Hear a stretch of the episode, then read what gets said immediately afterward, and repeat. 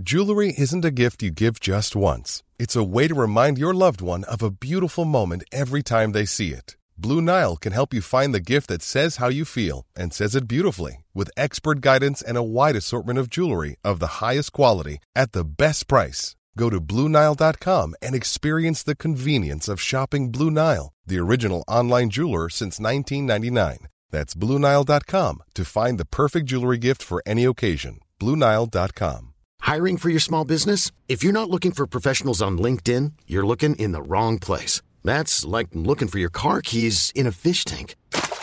LinkedIn helps you hire professionals you can't find anywhere else, even those who aren't actively searching for a new job but might be open to the perfect role. In a given month, over 70% of LinkedIn users don't even visit other leading job sites. So start looking in the right place. With LinkedIn, you can hire professionals like a professional. Post your free job on linkedin.com slash achieve today.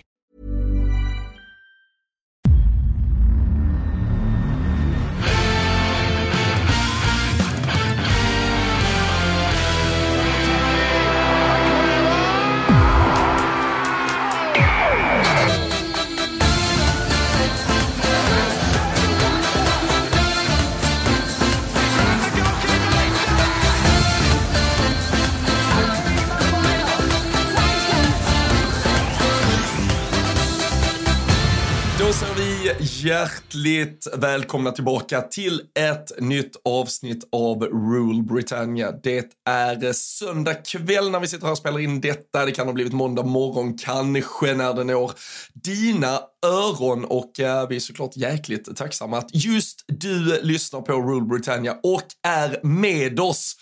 Och jag är jävligt glad att Fabian Jalkemo ens orkar ta sig till mikrofonen efter en tuff gårdagskväll.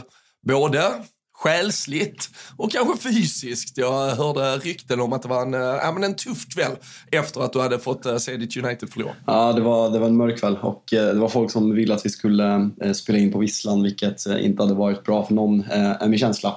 Men här är jag, ganska stark får jag lov att säga.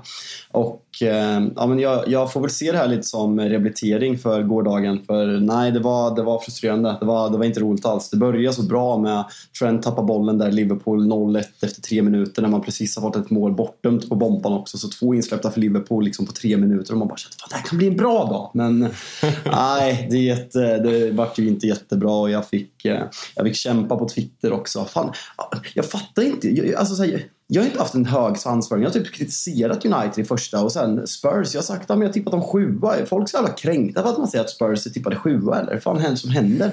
Är det där pisskontot, vad de heter? Som, som, eh, som man inte får nämna namn. Som, nej, bi, som bidrar, det bidrar med... Ledley, Lull. Ja, Bull, ja. Ja, ja, vi, ska, ja, vi, ska, vi, vi lämnar det lite där. Uh, vi ska komma tillbaka. Du hade ju uh, senaste avsnittet så hade du ju en liten överraskning till mig med jag fick öppna lite dörrar och det var nya segment. Det var en eh, Marcus Tapper som eh, tittade ut från ingenstans och eh, mm, ja men bjuds man på en överraskning då är man väl inte en sämre människa än att man bjuder tillbaka.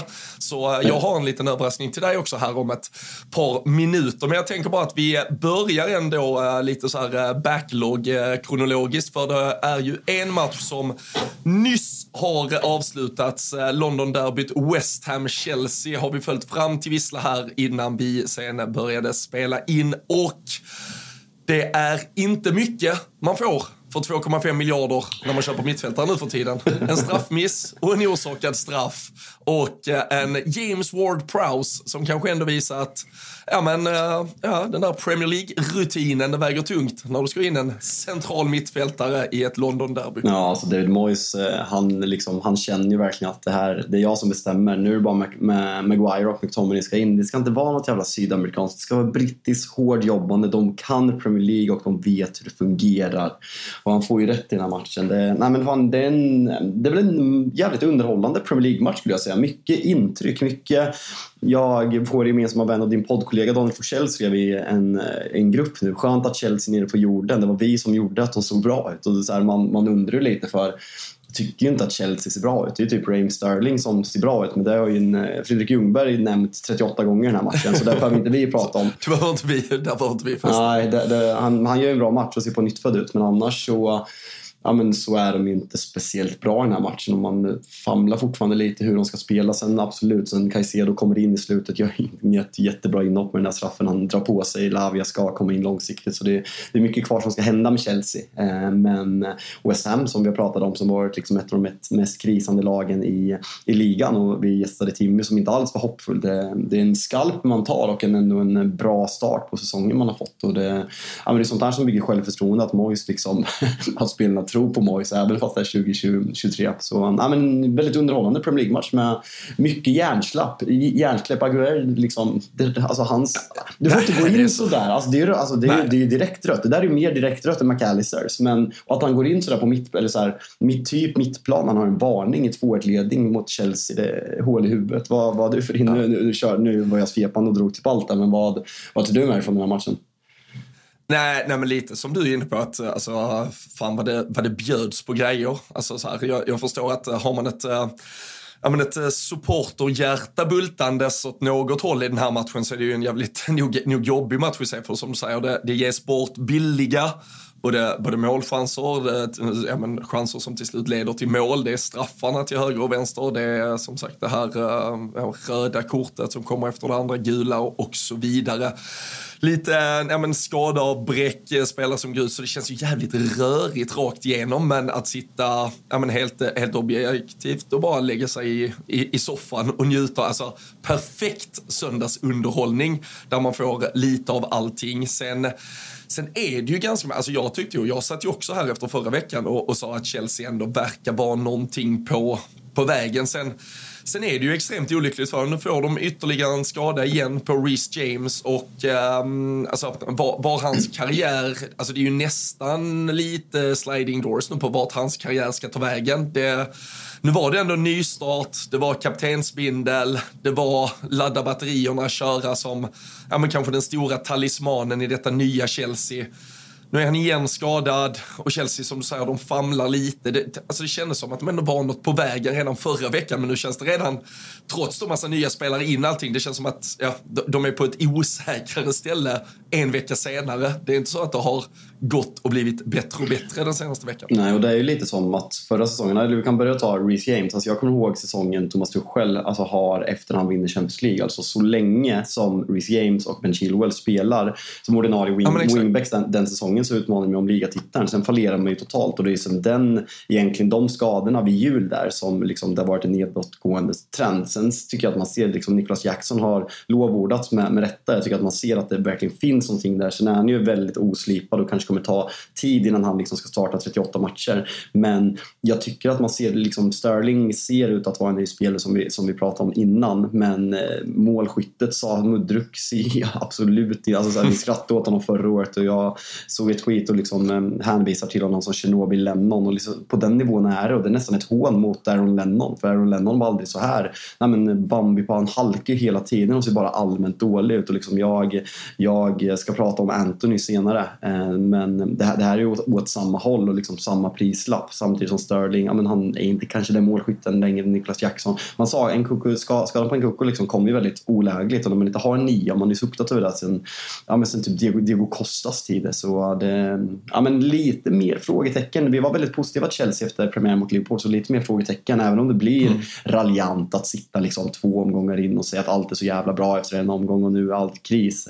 Förmodligen är det någonstans där mitt emellan. Vi kanske var överdrivet positiva av premiärmatchen. Ja, men det är väl bara, nej, och det är väl bara alltså så här, där, där är jättemycket talang. Pochettino är en fantastisk tränare. De kommer få träff och göra väldigt bra saker, men det kommer ju säkert, som du säger, äh, ta tid att ja, etablera någon form av stabilitet. Jag tycker ju ändå förutsättningarna börjar finnas där till, till någon form av typ en, äh, alltså tänker man sig en 3-4-3, kanske nästan med en Kunko, Nicholas Jackson, Sterling, du har uh, Chilwell och James på varsin kant och ett Caicedo, Enzo, uh, mittfält till exempel. Alltså det är ju det är otroliga spelare egentligen, mm. så där borde ju finnas alla möjligheter att få ut mycket mer av det här Chelsea. Sen är det kul att se liksom att äh, Antonio ser nu står och blir intervjuad eh, i Sky Sports. Eh, att Eh, nej men alltså, han trodde mig var slut. Att liksom, han får komma in och avgöra den här matchen med den kraften och den speeden. Det är så här, ja, men, fan, det här West laget man, man blir frustrerad när man möter dem. Men det, det är liksom ett ganska charmigt, klassiskt brittiskt lag som ofta kan, ja, men framförallt på hemmaplan mot de här större klubbarna. Jag vet man har slaktat United, det brukar vara underhållande matcher mot Liverpool på hemmaplan framförallt också. Det, det är ett underhållande lag som spelar väldigt klassisk brittisk fotboll. Så kul att se de här, ja, med Ben Rama, eh, eh, Antonio-typerna liksom fortsätta leverera på den här nivån. Att man kan ta de här skalparna trots att det är liksom, inom situationstecken liksom, kris i klubben. Så är det något att bygga vidare på. James Ward-Prowse äh, nämnde vi. Äh, två assist blir det till slut äh, en, från en, dagens... En, en från en set piece. Det, det, har vi också hört under 90 minuter. Men jag tänkte bara kolla, såg du Henry Winters tweet inför matchen? På tal om James Ward-Prowse. Ja, jag gjorde faktiskt det, men du kan väl... Ja. Har, har du att ja, upp det eller? Ja, ja, jag har den framför mig. Det är ju faktiskt helt otroligt. Uh, Henry Winter, han är ju, alltså om man tänker någon som slår in öppna dörrar så går väl Henry Winter kanske längst fram. Va? Det, det brukar inte vara superspetsigt det han kommer med, utan uh, det brukar vara ganska uppenbara saker han eh, tweetar kring. Och ehm, då konstaterar han vid avspark att det är Kurt Soma captains West Ham United. Why not James Ward-Prowse? He is obviously new to the club, but he's a natural captain and he has never kicked a cat. Så, ja, alltså, att, att det, det ändå väger över för uh, Wardy Prowse där. Att, uh, han har ju trots allt inte sparkat på katter. Han borde vara kapten ja, men det är så peak där, alltså så här, när, man, när vi sitter och garvar så här, om det var Agmon Lawar-typerna som sitter och liksom, ja men De Serbi, han kan ingenting om, eh, om, eh, om engelsk fotboll, vad har han bevisat, hur ska han klara liksom på engelska? Det här är liksom samma sak, bara för att han är britt och liksom så här, föregår med gott exempel och kämpar så ska han gå in sin första match från start att vara kapten med argumentet att han inte har sparkat en katt. Eh, det blir ju roligt skit, så är det ju. Ja, nej, men det blir det verkligen. Du, eh, jag flaggar upp lite för att jag har en eh, överraskning till dig och eh, jag tänker att det här är, ja men vad fan, det handlar helt enkelt om att revansch, det serveras, ja men det, det ska serveras till dig när du har varit lite väl kaxig. Och det är som så att på tråden alldeles strax så har vi Alice Nordström med oss. Nej, men efter alla de hån, de tuffa orden från den höga svansföringen i Norrköping. Eh, det var en enkel seger i premiären för Manchester United. Det var ett Tottenham som famlade i mörkret efter ja, men någonting som skulle kunna likna någon kompass och någon riktning. Fabian, eh, nu, eh, nu, nu sitter du där med noll poäng från London och uh, vi har en väldigt leende glad Alice Nordström med oss igen. Men jag tycker att det eh, säger någonting om dig och mig. Att jag kommer med överraskningar liksom med nya segment och du får prata Liverpool och du, eh, nej, men du, du är bara jävlig och elak mot mig. Men eh, kul, att, eh, kul att se dig Alice. Eh, grattis, ditt svin. Tack, ditt svin. nej, tack fy fan vad glad jag är fortfarande. Det är ändå, vad är det, ett dygn typ efter. Det, är, ja, det känns typ bättre idag, hur det än är möjligt. Om man bara snabbt sådär eh, hoppar in i, i, din skalle och spolar tillbaka då drygt eh, 24 timmar eh, ungefär sen, sen slut. Vad, vad känner du, vad var liksom det som gör segern härlig? Är det trots allt hela Kane-grej, att det blir någon form av eh, men, avslut på, på allt det, att detta här blir eh, men, ett tomt blad att börja skriva nya kapitel på, eller är det bara liksom faktumet att slå Manchester United, eller är det bara att, eh, men, att man känner att laget vill någonting för en gångs skull? Var, eh, var hittar man mest glädje? Gud, det är en bra fråga. Eh, jag tror bara att eh, man vill spela så fruktansvärt bra fotboll eh, tror jag, i grund och botten. Jag själv har nästan glömt av allt med, med Kane. Eh, framförallt igår och det är lite som ni pratar om alla rykten och sånt, man orkar liksom inte prata om det mer. Man släpper det och går vidare. Och det var så fruktansvärt härligt att se liksom 11 man mot 11 man spela fotboll och att man gjorde det på det sättet man gjorde det. Utan en Kane i laget. Det, man får så här, eh, ja men, man blir nästan lite man blir sentimental om inte annat för att förstå att eh, gjorde vi den här prestationen utan den här mannen och det är ja, fantastiskt. Men men vi, vi har ju pratat om, liksom, vi pratade första avsnittet du gästade, Rule Britannia, att vad krävs? Liksom, kan man acceptera en sjunde plats så länge man ser rolig fotboll? Jag tycker att man såg liksom, att bara liksom, Kane har lämnat och det är liksom det folk har fruktat för. Man får 2-2, det ser, man spelar en roligare fotboll men det ser fortfarande lite svajigt ut defensivt. Men jag tycker man såg, liksom, det kom ut bilder alltså innan matchen och i paus. Alltså stämningen i, liksom, alltså i barerna och liksom, katakomberna liksom, bakom den här långa jävla baren som man är så trött på. Men det, eh, nej, men man såg att det var ett lag, vi, vi har pratat förra året att man såg liksom på, på Emirates att Arsenal liksom, de tror på någonting. De tycker att det är kul att gå på fotboll. De bidrar med stämning på ett sätt som de kanske aldrig har gjort på den där nya arenan. Jag tyckte att man, det, det är liksom så att det har gått väldigt kort tid, men jag tycker att man ser något annat i Tottenham-fansen. Så här att känslan och så här att man slår United med 2-0 igår blir liksom kulmen på, på starten. Eh, känner du samma sak om du kollar liksom på, på Tottenham-supportrar överlag? Starten under Ange Ange, här nu säger vi Ange.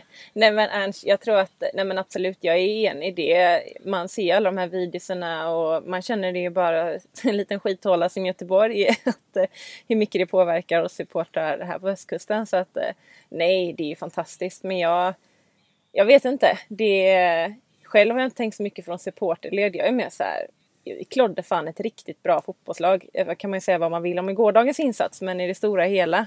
Och sättet vi gjorde det och jag tycker det var underbart med när, när Ljungberg kommenterade det. tycker jag har egentligen svårt eh, när han är med och kommenterar Tottenhams matcher. Men när han förklarade eh, hur han stämningen hat, han var. Han hatar United ännu mer så du behöver inte oroa dig. Ja, jo, det går att diskutera. Men, men när han säger det liksom, hur atmosfären exploderade inne på arenan eh, vid 1-0 målet. Och, alltså, och det, det betyder ju någonting men ja, den bollen vi spelar det det måste ju vara ett skämt. Jag tror fortfarande inte riktigt på det.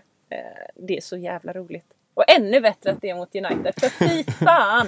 Alltså fy fan. Jag kommer, alltså en av de värsta dagarna i mitt liv det var när, vi pratade en gång i en annan podd där Fabian och när vi hade Tottenham hade torskat och ni hade vunnit. Och jag mådde så jävla dåligt eh, i den podden. Eh, fy fan, jag mådde så dåligt efter och innan och under och allting.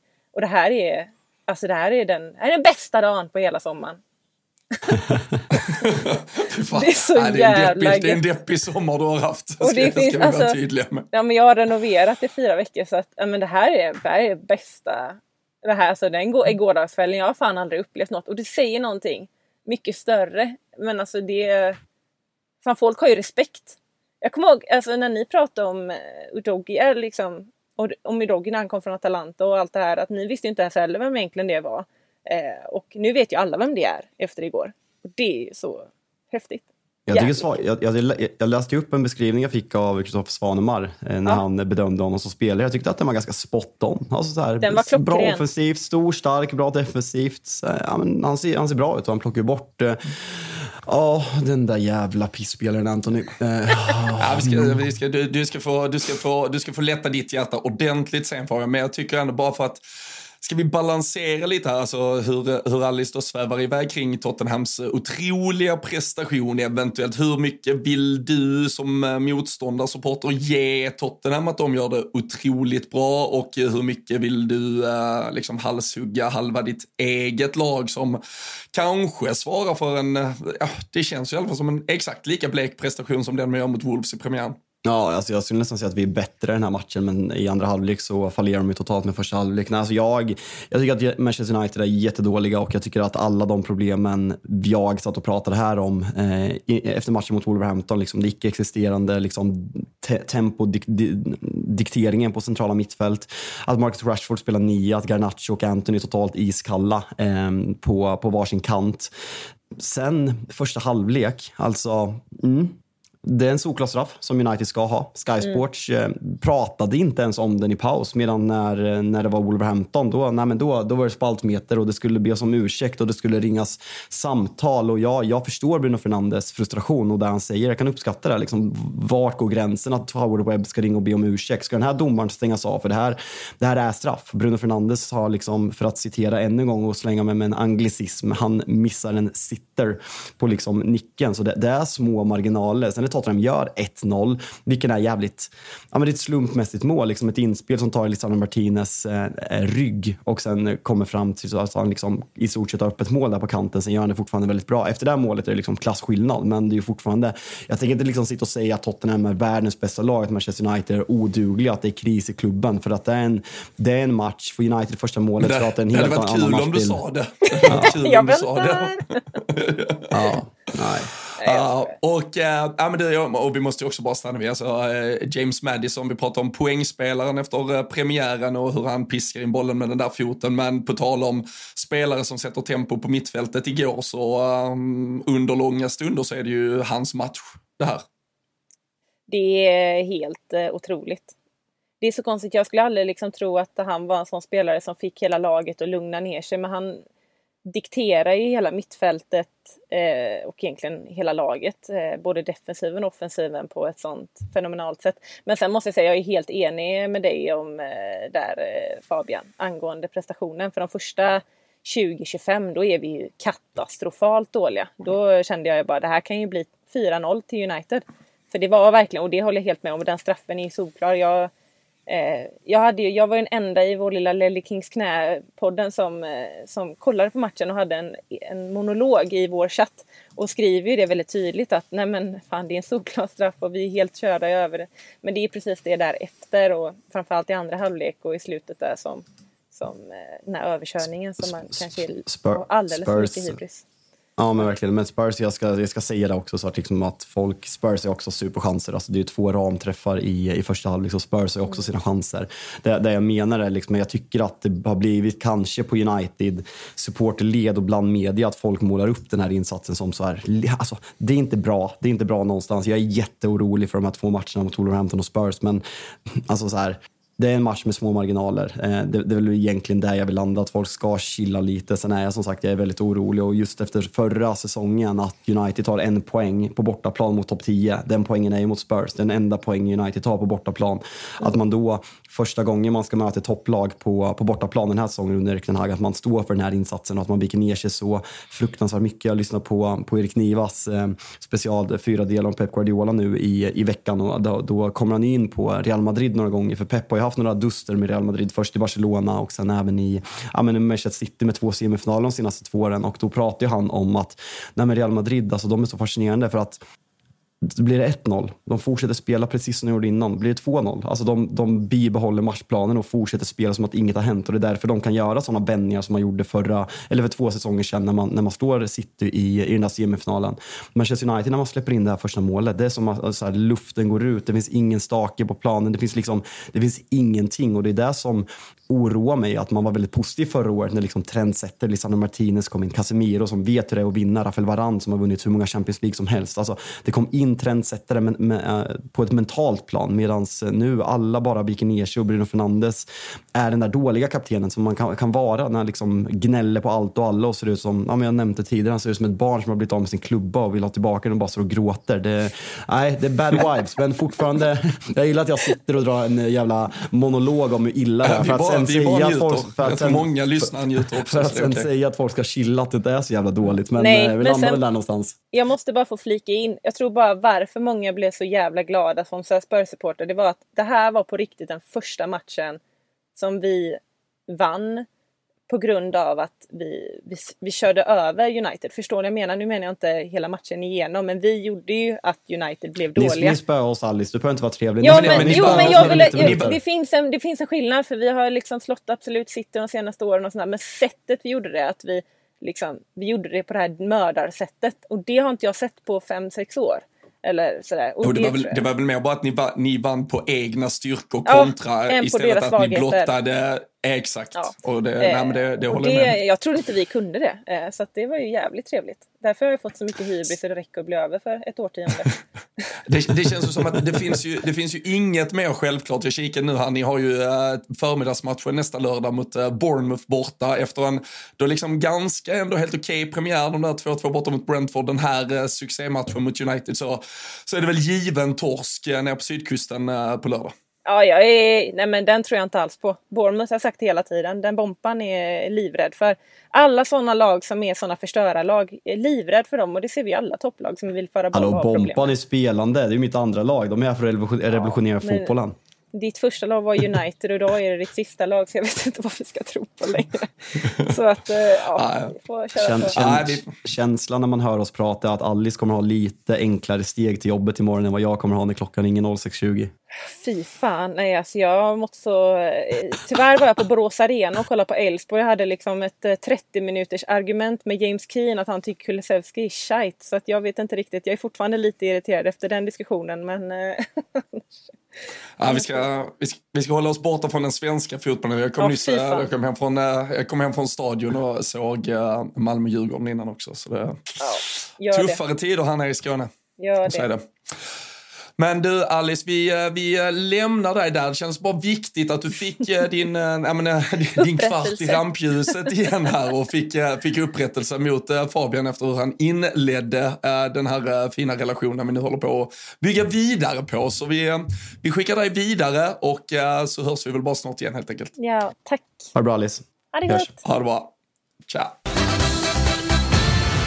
gör eh, detta avsnitt eh, i samarbete med Telia. Och eh, det vi gillar med Telia Fabian, det är ju att man kan samla alla sporter på ett ställe. Och då menar vi ju verkligen alla hur eh, smart är inte det? Ja, i höst kan man alltså exempelvis kolla när Premier League och Champions League drar igång. Samtidigt som man kan följa slutspurten i Allsvenskan och gruppspelet i SHL. Med den grymma Telia Play-appen kan man dessutom se alla sporter, matcher live eller i efterhand om det blivit någon krock eller om man har varit iväg på något annat äventyr medan matcherna gick live. Om man vill, varför man eh, nu skulle vilja det, eh, ta en liten, liten paus från all sport kan man såklart även plöja igenom hela det enorma utbudet av filmer och serier som finns på Viaplay och TV4 Play genom Telia. Dessutom så kan man, håll i hatten här nu, även lägga till allt från HBO Max helt utan extra kostnad. Otroligt. Och då sitter folket där hemma och tänker hur saftig den här notan blir. Nej, men alltså det kostar ju bara 649 kronor i månaden, vilket gör att man alltså sparar över 500 kronor jämfört med om man köper alla de här tjänsterna separat.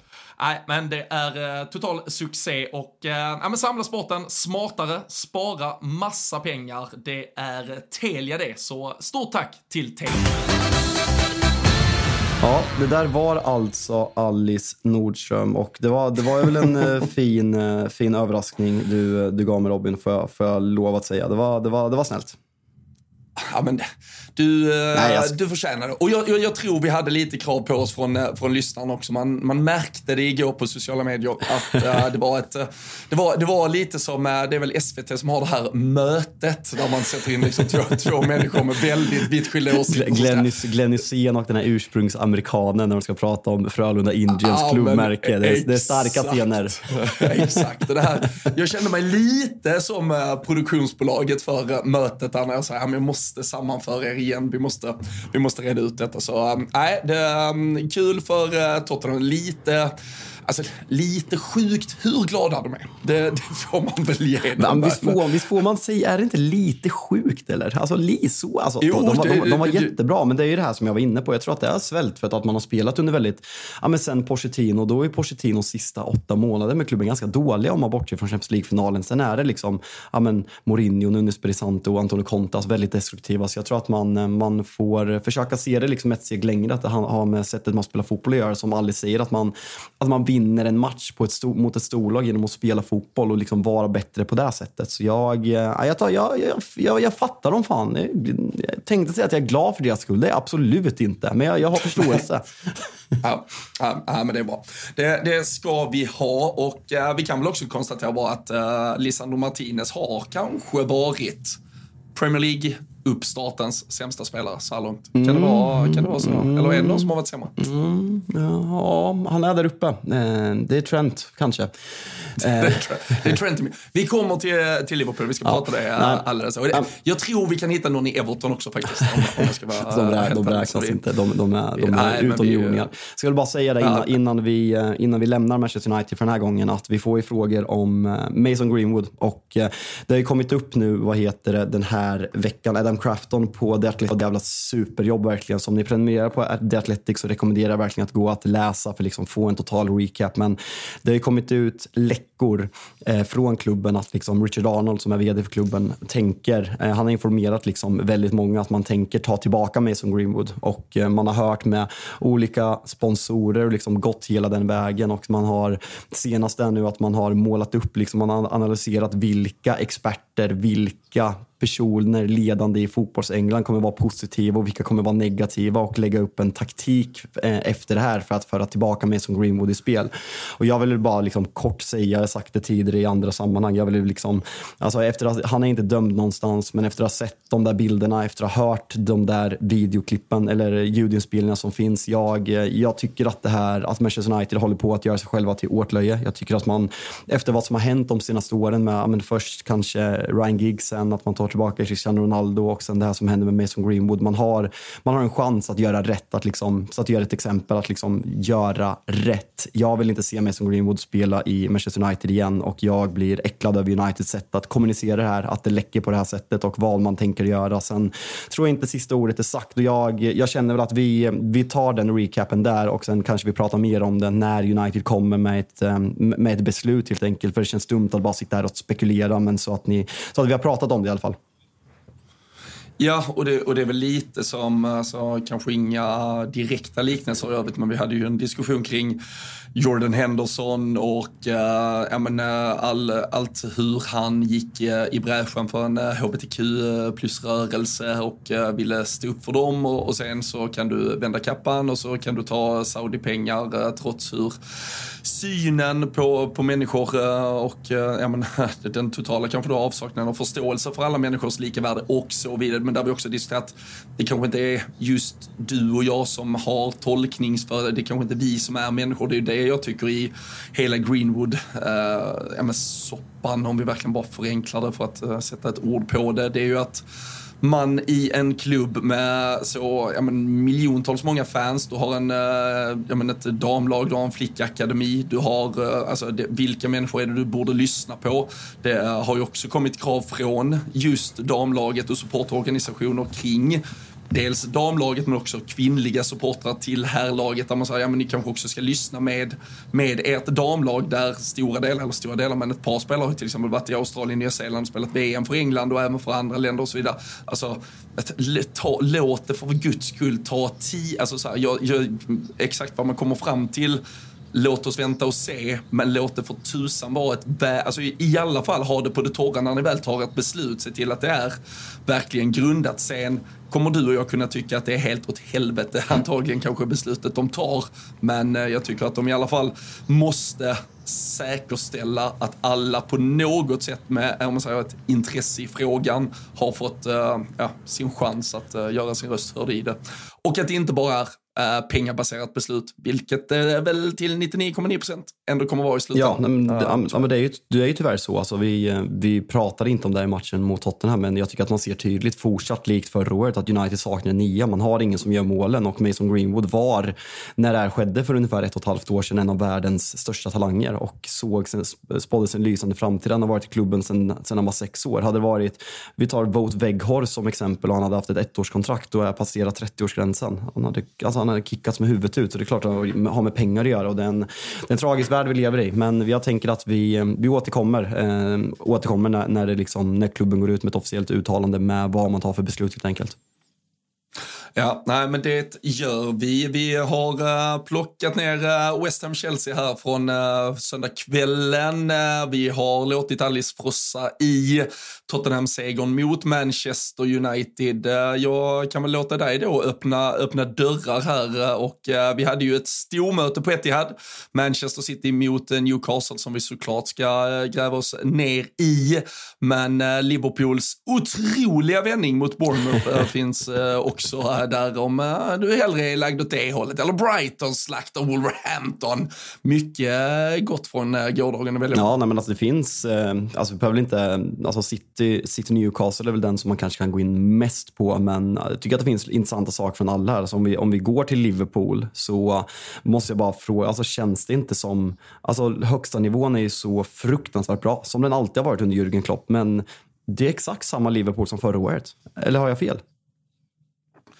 Nej, alltså det, det här med alltså, alltså, hur man kan starta matcher så extremt, nu, nu, ja, nu, jag talar väl inte emot mig själv, nu, nu var det ju faktiskt 25 extremt fina inledande minuter mot Chelsea äh, förra veckan. Men det återkommande problemet förra säsongen var ju att vi var helt bortkopplade första 5-10 minuterna.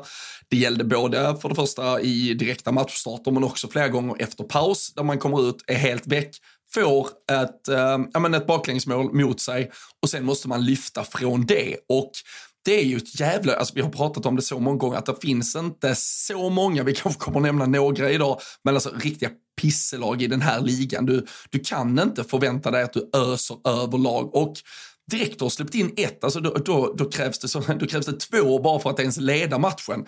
Att leda matchen med 2-1, ja, men gå in i 90 eller 80 och ett lag lite frenetiskt kämpar. Då, du, du, alltså direkt du har släppt in ett mål så är du farligt nära att behöva kämpa jävligt mycket för att ens ta, ta tre poäng. Och Liverpool sätter sig ju återkommande i läget där man står i den där uppförsbacken och det är ju vad tar det, 50 sekunder ungefär innan vi bara räddas av offside-flaggan. När Trent ligger fel och eh, dessutom då slår tillbaka bollen så att vi, ja, vi friställer ju Bournemouth-spelarna. Och om inte det då är väckarklocka nog så tar det ju bara två, tre minuter till sen innan van Dijk, och det är så här, van Dijk slår väl egentligen rätt boll och han gör väl det på rätt sätt. Det är ju Trents ja, men mottagning och eh, ja, men det är ju, alltså det studsar ju för fan på foten på honom. Den är ju två meter framför honom när den väl landar sen och eh, Bournemouth kan vinna den och dunka dit det. Så det är ju, ja, det är ju så svag stad och det är hemmapremiär, du vet, det, det har ändå pulserat i staden inför detta. Nu jävlar, eh, vi visste inte riktigt var vi stod efter den där första bara poängen borta på Stamford Bridge. Men här hade vi 9-0 från förra året, ut och kör och så är man så avslaget de första fyra, fem minuterna. Det är, äh, det är imponerande uselt, det, det måste sägas. Och det är där, det där alltså, du om någon vet ju det att ja, men förut, alltså när, när mitt United vann prenumerera på ligatitlar för 10-15 år sedan så krävdes det ju liksom, ja, men du kunde vinna ligan på 80 poäng. Nu krävs det ju över liksom 90 poäng och då nu vänder Liverpool den här matchen, men eftersom man gjorde det hela tiden förra året och släppte in mål och liksom även den här matchen, nu, nu får man det här extremt viktiga 3-1-målet väldigt snabbt efter den felaktiga utvisningen. För det där, ska vi, ska vi prata engelsk fotboll, det där kan inte vara rätt kort. Sen vet man ju när de kör i slow motion och liksom VAR, VAR kommer inte ta bort det där. Men det där är inte rött kort. Nej. Så enkelt är det. Då, då är fotbollen på väg eh, väldigt fel. Väldigt, väldigt fel. Men det är ett väldigt viktigt mål. Men Allison räddar ju er alltså, flera, flera gånger. Och han var väl liksom, alltså att Liverpool kom femma förra året och att Allison var typ lagets bästa spelare tillsammans med Salah, det, det säger ju någonting. Och det, nej, fan, jag hade varit varit oro, orolig om jag vore du för eh, just den här med, jag vet inte om det är Alltså är det kvaliteten? För jag vill inte tro att det är kvaliteten. Det är att de ser så jävla loja ut. Med, med kanske van Dijk och Trent. Robertson ser ju inte loj ut. Han är bara, hans positionsspel har nog blottats mer sen van Dijk ja. in, har gått ner sig och liksom är bra. Men han är inte bäst i världen just nu. Eh, Medan Trent och van Dijk mer ser obrydda och loja ut. Medan Robertson kanske inte håller kvaliteten. Nej, och, och det är ju det som, eh, som jag verkligen har velat larma kring eh, alltså väldigt länge nu. Att det, att det ser så, alltså, och det är ju egentligen så här, jag tror ju inte heller att de inte här är taggade till 100%, att de inte är redo. Men någonting saknas ju. Där är ju någon tändning, någon skärpa som, som faktiskt inte är där. Och eh, jag tycker också det har gått så lång tid, jag kan förstå om en viss mättnadskänsla infaller sig när du verkligen står på toppen. Kanske efter ett guld eller efter en 95 poängssäsong eller efter att du tagit dig till alla finaler och man var lite men, slut mentalt och visst, alltså kände väl att fan vi är asbra men ändå så vinner vi. Alltså, så här, det var ju lite det vi kunde ursäkta oss med förra säsongen men nu är vi ju inne på revanschsäsongen när vi ska studsa tillbaka. Då måste ju verkligen tändningen vara där. Då måste ju den 110-procentiga fokuseringen finnas där från första stund för att Ja, men för att ge den där fina offensiven som faktiskt ganska tidigt ändå börjar sitta. Alltså det är många spelare som är väldigt bra framåt. Jag tycker Shoboslaj igen är kanske, ja, kanske allra bäst på den där planen och eh, är ju involverad i mycket, får straffen, han som tar skottet innan Jota sätter dit den och, eh, och generellt visar vilken jävla kvalitet han besitter. Men det spelar ju inte så jävla mycket roll om vår offensiv är fin, flink och superhärlig ifall vi ska släppa in de där billiga målen hela. Typ. För det, vi såg det förra året, det var Leeds hemma, det var Nottingham borta, det är Bournemouth borta. Så det är mot riktigt pissiga lag så släpper man in billiga mål och då är uppförsbacken för tuff. För många lag kan fan försvara en 1-0-ledning om det bara är det de behöver göra i 90 minuter. Ja, men om det går längre också. Jag tror, jag tror fan att det var i Total Weekend i helgen som jag förresten såklart eh, rekommenderar alla att lyssna på. Det ligger i samma feed som Rule Britannia och vi kommer köra varje lördag mellan 11 till 2013, Men jag tror inte att vi i Rule Britannia har pratat om värvningen av Baturo Endo som gör debut här eh, ganska direkt efter eh, McAllisters utvisning. Om vi bara känslomässigt reaktionen eh, när, när ni går från att buda 115 miljoner pund på, på Caicedo och 60 miljoner på Lavia, liksom två av de mest eftertraktade centrala mittfältarna i världen och ni landar upp med en 30-årig japan som slåss för överlevnad i Bundesliga. Vad, vad gjorde det med dig? Nej, men efter att ha sett dem 25 minuter vardera ungefär här i helgen så känner man ju att vi, eh, vi gjorde ju helt rätt. Dodge the bullet och uh, valde helt rätt med det. Nej, men alltså jag tror, eh, jag tror många som lyssnar på detta har sett uh, men klippen från när eh, Klopp tar emot honom på träningsanläggningen och typ så här, han andas i stort sett ut när han går tackar typ honom för att han ens har kommit till klubben och bara så we really, really need you. Och man bara så jo, alltså vi vet att vi behöver en defensiv mittfältare men vi kanske inte behöver meddela hela världen det. Men jag tror att nu köper man sig lite tid. Man köper, så, alltså fan speciellt nu, alltså med McAllisters röda kort. Vem fan skulle annars varit sexa äh, till helgen mot Newcastle? Det där är typ det värsta. Väntar, Tre matcher också. Alltså, det är helt sjukt. Alltså jag blir irriterad. Ja, men alltså, får vi, se, vi, får se, ja, vi får se där. Liverpool kommer antagligen att överklaga alltså, de kommer aldrig få igenom den. De kommer aldrig få igenom den. Nej, men de, de, de kommer nog kunna linja. Alltså, jag, jag, det var någon som, jag har liksom inte kikat igenom det exakt, men bara så här, det, var, det har varit fem typ exakt likadana tacklingar ja. som inte har gett rött kort bara den här helgen ja. typ. Så det är väl, man får väl hoppas att sitter någon liten video, redigerar och klipper ihop ett härligt collage och, och skickar in och bara med. Nej men så här, jo, grejen är att alltså, i situationen, jag fattar att det typ kan bli rött, men det är som så här, det, det är helt bisarrt om det ska ge tre tre matchers avstängning på något som är ganska lindrigt. Men, nej, men nu får vi ändå in ändå, nu kan han spela nästa helg.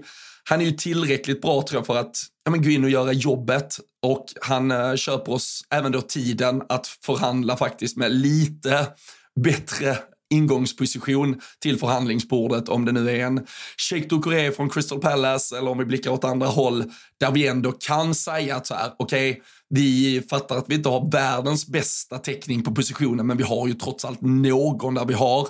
Vi har ändå nu, vi har en Thiago på väg tillbaka, vi har en Bacetic som var tillbaka man i truppen Man har glömt både Thiago och Bacetic, alltså så här, det, det, är ju, det är ju två bra ja, spelare. Men vad, vad går snacket? Gravenberg, snackas det något om honom? Eller jag ser lite på Twitter, men eh, känns det troligt? Ja, men det, det, det, enda, Nej men det enda som kommer där är väl så här, ja men både Liverpool och United är intresserade men Bayern München ska inte se United har varit typ intresserade av alla nej. spelare i hela världen i sommar. Ja men så, Bayern München ska ju typ inte använda honom själv heller så fattar mm. Men jag tycker inte, alltså nu har han ju spelat väldigt lite fotboll senaste tiden. Jag vet ju fan om han är rätt spelare för det här. Jag, jag, jag vill ju snarare ha ja. en... Nej, men jag tror att man gör fem byten i helgen. Han kommer inte in, så de verkar inte tro på nej. honom överhuvudtaget. Sen om det blir nej, liksom nej, Ett, eh, ett lån. Nu, eh, fan, nu går vi vidare. Nu, eh, vi, i och för sig, måndagsavsnitt gör inget om vi blir lite långa. Det har alltså hänt, mycket, hänt mycket i helgen.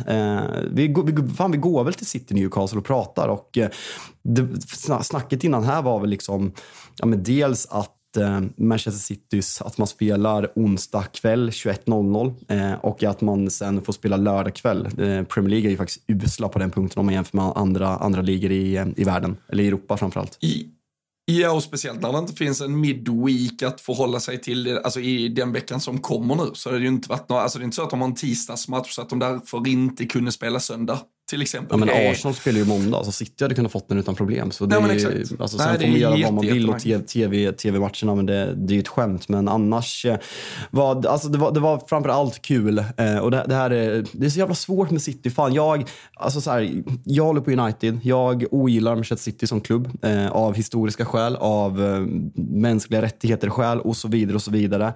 Men de har så jävla många spelare som jag är fascinerad av, liksom, fotbollsspelarna. Och eh, en, alltså, här, Bernardo Silva, jättesvag för. Rodri, världens bästa sexa. Alltså, det är inte ens en diskussion i min värld. Men Phil Foden, alltså jag att säga att jag vill att han ska få det här massiva genombrottet är såklart fel, för det vill jag såklart inte. Men det hade varit häftigt, för man har följt honom så länge. Man har sett Pep forma honom. När han är som bäst så går det bara, nej men nu, nej, men nu är bänken i tio, tio matcher i rad när han är som bäst. Han behöver kliva fram nu när KDB är borta i tre till fyra månader och som han gör det den här matchen, Robin.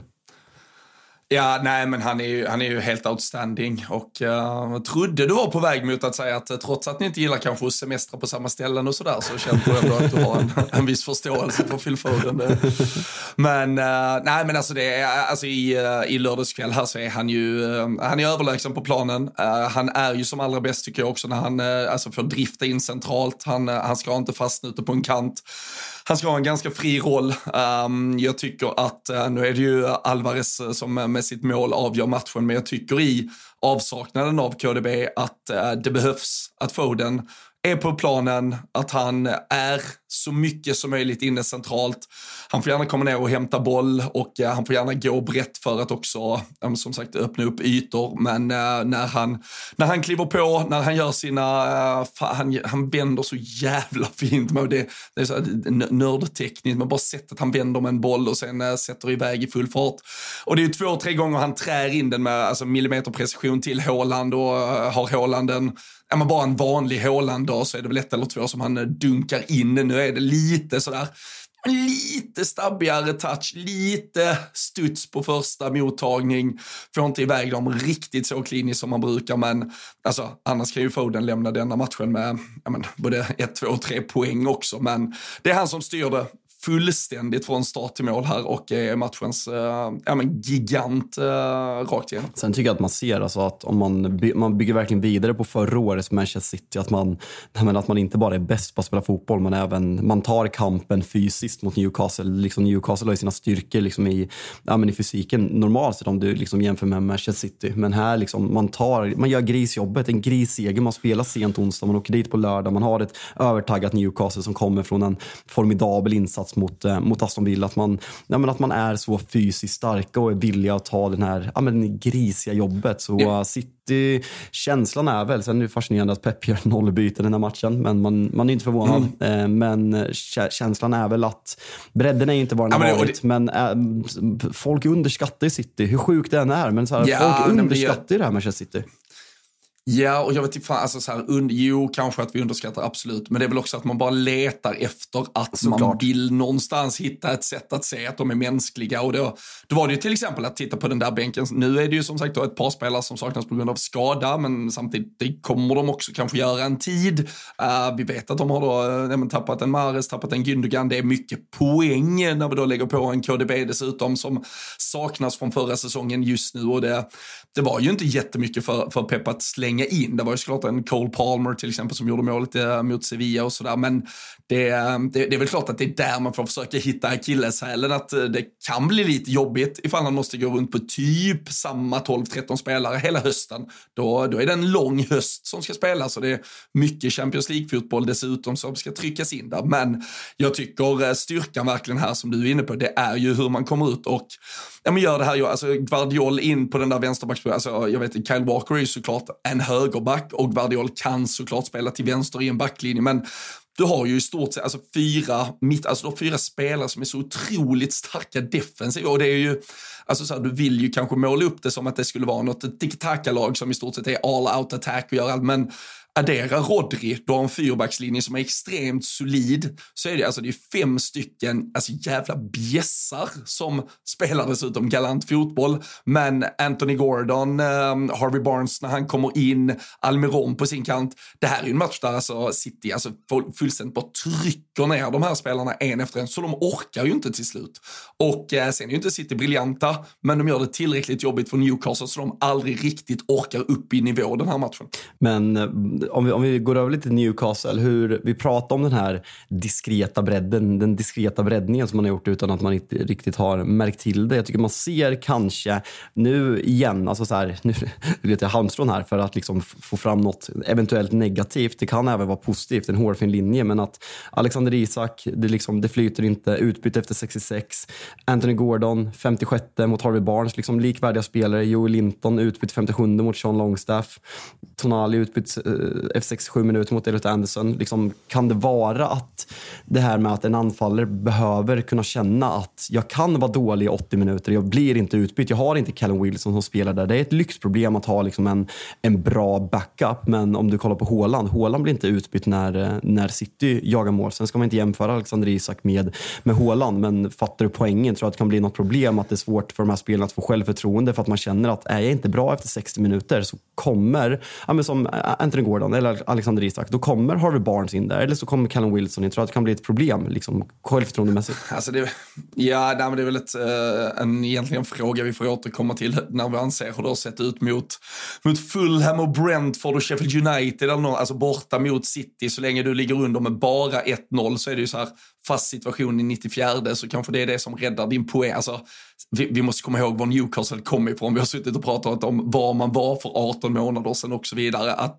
att man ska åka till Etihad och ha en eh, menar, helt övertygande plan om hur man ska ta ja, men, varken en eller tre poäng egentligen. Jag tror aldrig man, vad fan var det de sa i sändningen igår? Jag tror de aldrig vunnit eh, på Etihad i Premier League-sammanhang heller, eller inte ens vunnit på Island, alltså vunnit mot City borta i Premier League tror jag. Så det, det är klart det är, alltså, vi ska nog inte förvänta oss att Newcastle kanske åker till Manchester City borta och vinner eller Såklart ens inte. tar poäng. Men jag förstår helt ditt resonemang, men jag tror man behöver, vi behöver en annan sample size och annan typ av motstånd innan vi uh, är kanske ja, men, ha en tydligare bild av hur eventuellt mycket det kommer påverka spelarna att det är en större konkurrens nu. Och nu man är inte så given på sin eh, position i det här laget. Nej, nej det är ja, men, underhållande match, alltså mycket kamp. Och det, jag tror att vi kommer få se mer kamp i Manchester City-matcher och lite mer, alltså om vi tar på, om vi pratar jag, jag tycker att det är mer underhållande att kolla på en Peps klassiska, alltså bara hålla bollen, alltså så här peak Barcelona, Bayern München kanske liksom peakar ännu mer och sen något, någon City-upplaga. Eh, det här är ju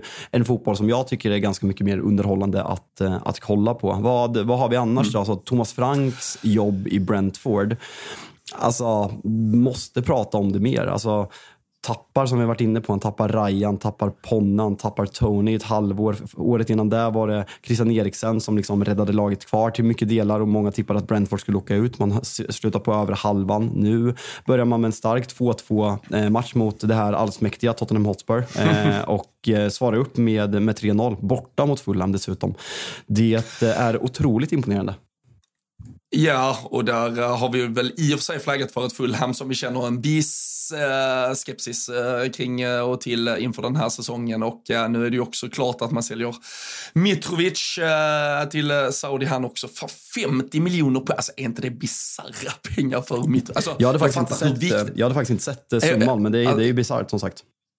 Ja, nej, det är helt jävla... Jag läste först bara när klubben eh, kommunicerade så skrev de bara att det var club record fee. Sen tänker man så här, fan jag Fulham kanske inte har sålt så jävla många så dyrt. Så jag tänkte kanske bara är 25-30 men eh, det ska vara uppåt 50 miljoner pund. Men eh, nej men alltså Brentford har ju fått full utdelning och det är väl jackpot också att eh, just uh, Wissa och uh, Mbuemo, uh, målskyttar här direkt i säsongsupptakten. Uh, det var väl också det vi satt mycket och frågade oss, vem fan ska göra målen utan Tony? Uh, alltså vi visste vilket jobb de här två spelarna kunde putta in och um, men alltså, klart att de ska bidra med löpmeter och det är riviga och slitiga spelare och tuffa att möta. Men skulle edgen finnas där, nu har man väl i ja, men i båda matcherna rullat in straffar, visserligen också. Men, eh, ja, men det är ju ett, det är ett jävla ramstarkt lag och, och Thomas Frank ja, men gör ju det igen med mer eller mindre samma spelare som uh, han har gjort de senaste två säsongerna. Och att då få målskyttet igång på de här två direkt, uh, det gör ju att de kan nog sova ganska gott i alla fall, äh, även kommande månader. Ja, nej, men verkligen. Och Thomas Frank, man undrar ju liksom så länge han fortsätter göra så här och maximera på, på transfermarknaden. Alltså, har du koll på det här? Alltså, folk slänger sig med att de kör någon typ av moneyball. Eh, mon, mm. Är det liksom, vet vi i stor grad de gör det eller liksom, har det blivit en sägning att man gjorde det liksom i början och sen har det liksom blivit en, har du någon koll på det där eller? Nej, men alltså det ska inte vara, fan nu, nu blandar jag ihop, är det Mittjylland eller Nordsjälland de, de också äger? Samma, samma skit. investerare? Ja, ja, exakt. Det magiska danskspåret ja. som, som vi alla i svensk fotboll ska, ska blicka stenhårt ut mot. Men, äh, nej, men det är ju, alltså det är ju en, äh, Alltså han som äger är ju gammal, alltså han kommer från bettingbranschen och alltså, har helt byggt allting kring algoritmer och eh, just eh, statistisk data som underlag till att eh, ta fram allting. Och det har man väl hört om man är svensk Pontus Jansson prata kring och om hur det här laget är uppbyggt på, på just som du säger data och sen är det många spelare som Alltså de, de fustrar ju gärna, de får gärna gå via de här alltså, klubbarna bakom. Det danskspåret är ju, vad fan har de? De har väl en handfull danskar bara i, eh, ja, men i stort sett startelvan vecka in och vecka ut. Men det är ett, ett gäng i alla fall och eh, ja, men flera andra som man har låtit gå fram den här vägen. Sen är det många spelare också som har varit med på den ganska långa resan. Så eh, ja, men det är ju ett extremt imponerande bygge. Brentford, vi sa också inför säsongen, det handlar ju för dem att fortsätta bara etablera sig i Premier League. De borde egentligen inte sätta några egna krav på sig själv att komma topp 10 eller uh, man ska vara 12 minst eller någonting. Alltså, är de 14-15 säsonger som är så, fortsätt. Gör en säsong till i Premier League, två, tre, fyra. Det kommer kunna bli bra saker av det tror jag. Men, uh, många de klubbar, kunna... ja, men det är många klubbar som, alltså, känns som att de bygger rätt. Alltså Brentford, alltså Brighton är liksom det lag som sticker ut mest kanske. Men alltså så här, att mindre klubbar utan historia på den här nivån. Alltså man hade ju sagt samma sak om Wolverhampton för, för tre år sedan. Nu är man ju på väg att köra ner där i botten. Och eh, jag vet inte om man ska berömma Wolves. Jag kan väl bara säga det mitt i allting att vi är precis som vanligt sponsrade av ATG. Eh, och eh, fan, vi måste komma igång. Vi ska komma igång med tripplar, vi ska komma igång med Big Nine. Men än så länge så kika in Tuttosvenskan som släpper tripplar med jämna mellanrum. Eh, finns på atg.se tutto. Glöm inte att ni måste vara 18 år för att spela. Har ni problem med ett spel finns stödlinjen.se. Eh, Brighton slakt av Wolverhampton som vi tyckte var så jävla bra på Old Trafford. Det kanske var United som var så jävla dåliga eller? ja, alltså, alltså, det är svårt att förstå hur Wolves kan göra den timmen i alla fall. Men nej, de var ju bra. Ja, men fan, alltså, bra på Old Trafford. Ja. ja. Ja, det är de faktiskt. Men och sen bli så utspelade. Um, alltså det är ju återigen ett uh, ja, men otroligt uh, jävla jobb som uh, det här Brighton-laget gör. Det, nu är det ju kryddat med, alltså uh, Kaurumi Thomas uh, mål är ju, det är ju kanske hela helgens uh, snyggaste och, och bästa mål och uh, häftigaste individuella insats. Men Brighton som, som kollektiv, uh, Solly March fortsätter bara, alltså, man, alltså han, han skrattar mig åt för fem år sedan. Liksom. Vilken jävla spelare det har blivit av honom från ingenstans. Och eh, så är det ju med flera i det där laget. Jag sa redan förra veckan James Milner som bara går in och är en naturlig inverterad högerback i det här laget istället och, och ser på nytt född ut. Och man ser att Adam Lallana kastas in i det där skiten igen liksom och, och bara styr och ställer. Så det, äh, det, är, det är så jävla imponerande. Jag, fan, jag trodde inte att De Serbi riktigt skulle få ihop det än så länge, eller uh, direkt så här i um, säsongsupptakten på den här säsongen. Alltså, lite baksmälla från fjolåret förväntade ja. jag mig. Jag tänkte också att ja, men den här turbulensen kring spelare in ut, att det skulle bli lite tuffare att hantera. Att kanske då spelare, ja men de här spelare 3, 4, 5 som låg bakom ja men en Caicedo och en McAllister, att de kände ändå lite att fan alltså det är för tunga avbräck vi får, alltså ska vi orka lyfta detta laget till nya höjder trots att vi tappar så mycket kvalitet. Men Alltså nu har man ju, om vi adderar Cucurella från förra, alltså de har ju, och Bissouma, de har ju lyckats, alltså inkassera, vad fan har dragit in, typ 3 miljarder och så är man fortfarande i toppen av Premier, alltså man är fan serieledare efter två, äh, två veckor här. Och äh, noterade att de var det 53 laget någonsin i historien att leda Premier League och uh, du ska ja, första quiz. gången i Brightons du, historia. Du, ska nämna alla 53 lag. ja, så, så, nej, så nej, kan jag, nej, men, ring, ring, ring, upp våra lyssnare om två timmar. ja, exakt. Nej, men kollar man, alltså, kollar man den här startelvan också, så här, man har ju pratat om att hur mycket pengar de har fått in, men det är inte liksom några nyförvärv i elvan. Alltså, Joao Pedro, liksom, nu blir det FPL-runk, men jag tror att han hade mest skott i boxen i hela, hela första omgången. Bara nu, nej, bäng, och gjorde mål dessutom. Nu bänkad. Eh, De Serbi, eh, något med inställning att han inte gillar att han är loj utan boll. Liksom. Så han sätts på bänken. Danny Welbeck startar där. Så det är liksom ja, men ett centralt mittfält, alltså sittande mittfält med Bill Gilmore som har varit en hypad Chelsea-produkt länge som aldrig riktigt flög där. Och sen Pascal Gross. Det är, så här, det är lite skillnad mot McAllister och eh, Caicedo om man säger så. Och det är det, det här som är så, ja, så fruktansvärt häftigt med det som De Serbi gör med det här Brighton. Att han spelar ingen roll vad han säljer, det spelar ingen roll vad han plockar in. De är, de är fort, fort, eh, fortfarande exakt lika bra. Och man ser verkligen att det är en modell att, ja, men att han verkligen har spelarna tro på det. Sen blir det kul att se. Man vill ju verkligen att Yasin Jari ska få, få chansen. Han har ju suttit på läktaren båda matcherna så känslan är att han inte riktigt har förtroendet än in i den här säsongen i alla fall. Nej, och uh, nu, nu snurrar de ju lite på det där mittfältet, men uh, Mahmoud Dahoud uh, finns ju där också, så det är lite, lite tuffare eh, konkurrens. Alltså så här, eller så här, det är ju inte tuffare än McAllister och Caicedo, men det finns fortfarande ändå spelare före honom i, i den där listan av mittfältsalternativ. Men nej, men som du säger, alltså Pascal Gross, han har väl också varit där i en eh, halv jävla evighet och bara gnuggat på. Billy Gilmore hade man ju dömt ut för länge sedan. Louis Dunk och Adam Webster, det är ju ett mittbackspar som eh, typ inte ska kunna spela fotboll. igen. Jason Steele satt man ju skrattade åt för ett par år sedan och så tyckte man ändå att Robert Sanchez kommer in och är ja men på riktigt kanske att de hade fått en uh, riktigt jävla bra målvakt så, så är det ändå stil man går på. Det är han som uh, funkar uh, till slut också. Så fan James Milner och Danny Welbeck, det är ju det är något jävla dream team från 15 år tillbaka egentligen som, som han har skickat ut. Alltså, ja, det, ja, men nej, han, det är en 86 eller? Tror jag. Ja, mm. 86 mm. 37. 20 Premier League-säsongen gör han. Ja, det är, otro, det är otroligt. Det, det, är faktiskt helt otroligt. Vad, vi gillar inte att prata upp matcher i den här podden, men Arsenal eh, ska spela imorgon mot Crystal Palace, som för övrigt såg jag ryktades mm. att man ska plocka in din Henderson, något som jag såklart hoppas på. Vad, eh, vad, eh, vad tror du vi får se för matchbild? Alltså lite Arsenal, stabil seger, men ändå inte jätteimponerande.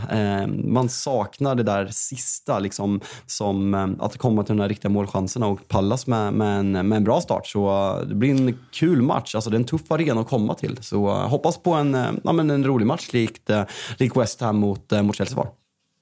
Ja, och jag tror, äh, även om äh, han inte spelar nu, men att äh, Crystal Palace kunde skriva nytt kontrakt med Michael Olise, det, det sänder ju ändå signaler. Fan, fan vad är det som hände där egentligen? Har, har, har man ja, hört han... något mer eller? Det var ju liksom here we go och skulle gå till Chelsea, utla, utköpsklausul 35 miljoner pund och sen helt plötsligt så, nytt kontrakt. Det, det såg man inte ja, komma. Och, nej, och jag har inte, man har väl inte fått fullständigt klart, men som jag förstod det så hotar väl Crystal Palace att ta Chelsea till, ja, vad är det för instans man tar dem till om man tycker någonting är fel? Jag är inte helt säker, men att... Ni, äh, ni fattar? Alltså, ja, men brukar man säga typ så här tapping up? Att, man, alltså att du typ kontaktar spelaren och hans entourage före du har det, kontaktat... Det gör ju fan alla idag. Förutom Liverpool Ja, jag vet. Nej, där, där räknar vi helt med att det blir som vi bara vill utan att kolla upp någonting. Nej, men Någonting ska väl Chelsea ha gjort som har varit i någon form av gråzon i alla fall. Och eh, då ska väl eh, Palace ha sagt antingen så pyser ni härifrån eller så gör vi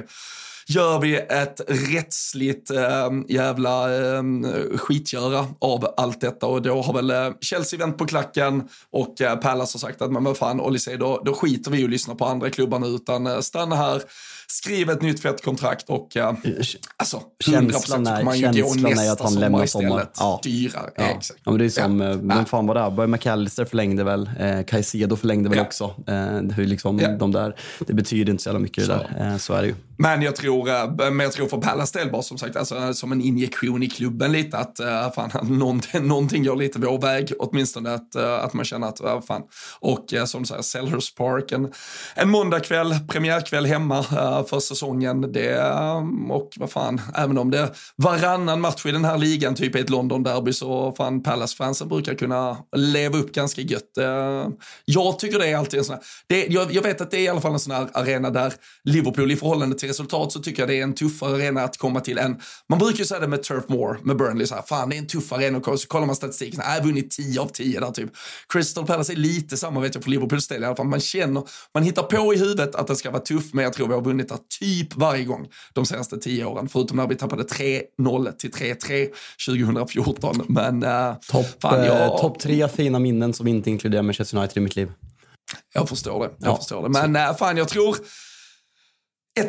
tror jag. Jag tror, inte, jag tror inte Arsenal orkar bryta ner Palace helt faktiskt. Ja, det blir, det ska bli kul att se om man fortsätter liksom att, hur, hur man ställer upp. Om det blir Havertz som nia, om, eller för sig um, Enketia gjorde mål så han kommer säkert få fortsätta. Men hur man, hur man formerar balansen på det centrala mittfältet. Uh, det ska bli kul att se Arsenal. Uh, inte riktigt det, fått grepp det. på med alla nyförvärv och jävla otur med, jag vet inte om det var officiellt när vi spelade in senast, att det var korsband på Timber och nej fan vad, vad spelade han?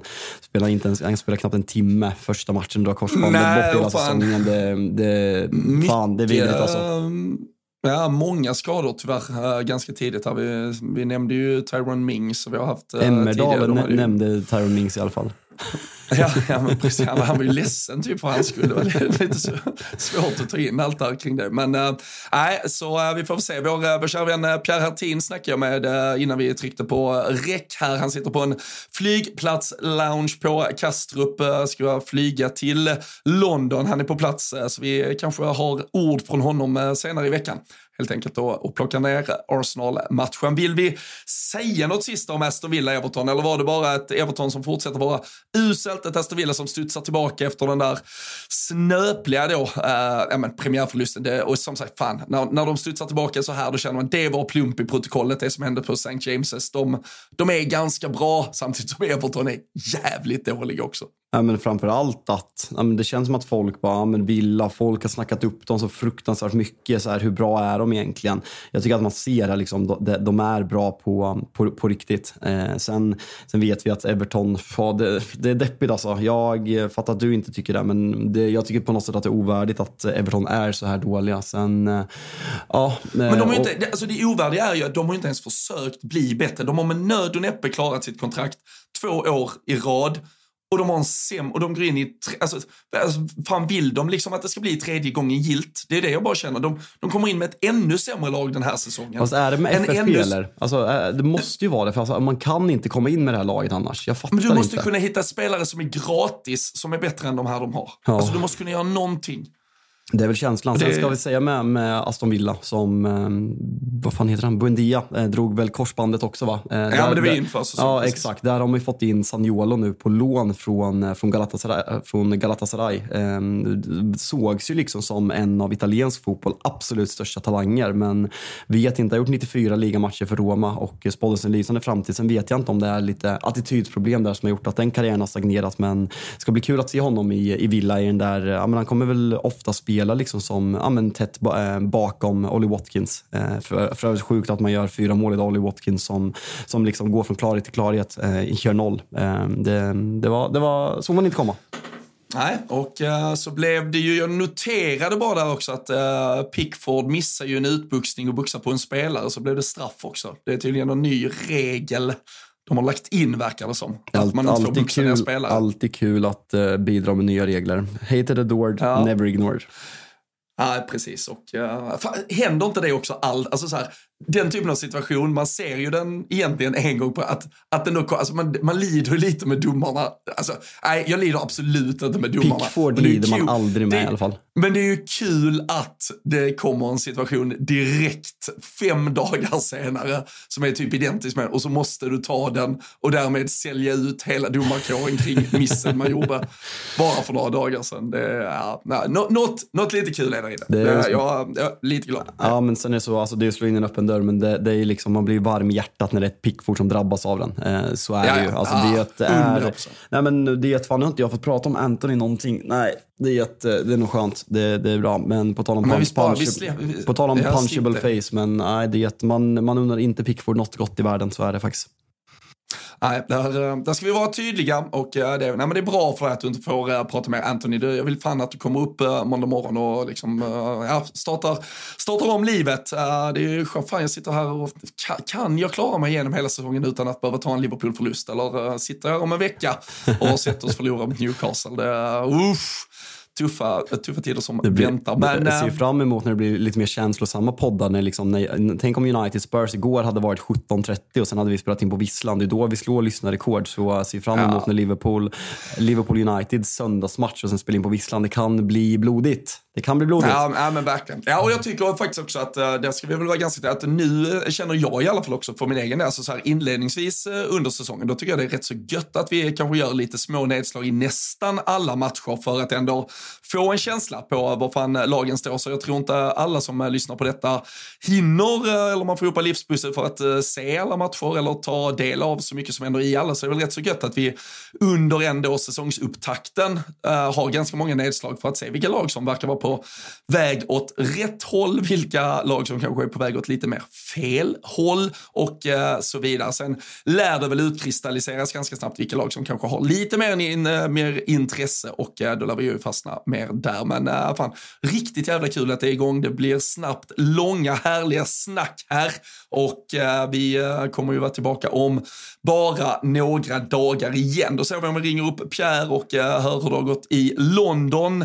Något annat vi ska hålla utkik efter i veckan Fabian, eller är det bara att försöka överleva fram till nästa? Nej, men det, eh, vad har vi? Vi har 11 dagar kvar på innan transfermarknaden eh, stänger, så det ska bli kul att liksom, man har ju på något sätt nu när ligan har dragit igång checkat ut från Silly med, med rätta, men det känns som att det kommer hända relativt mycket i, i ganska många lag. Så utöver en, ja, men en jävligt rolig match imorgon mellan Pallas och Arsenal, kika Silly och sen så siktar väl vi på att köra, spela in onsdag kväll så att ni har torsdagsavsnittet i era poddspelare eh, torsdag morgon. Vi vill vara först på bollen så att ni liksom eh, människor av folket som jag som liksom är hantverkare som står och liksom, eh, på taken där vid 07.00. Ni ska ha podden och liksom lyssna på våra, våra fina stämmer på, på morgonen. Så det är ännu en fin vecka i Premier League. Fan vad, som du sa, fan vad skönt att det är igång att liksom ha de här söndagarna. Må lite piss, ligga och kolla på fotboll. Det, man har saknat det väldigt mycket. Ja, men så är det verkligen. Så eh, vi eh, älskar att ni är med och lyssnar, eh, var med i diskussionerna, gör er röst hörd på Twitter och Instagram. Om det är något ni tycker vi missar eller där vi är fel på det så tar vi snacket vidare där.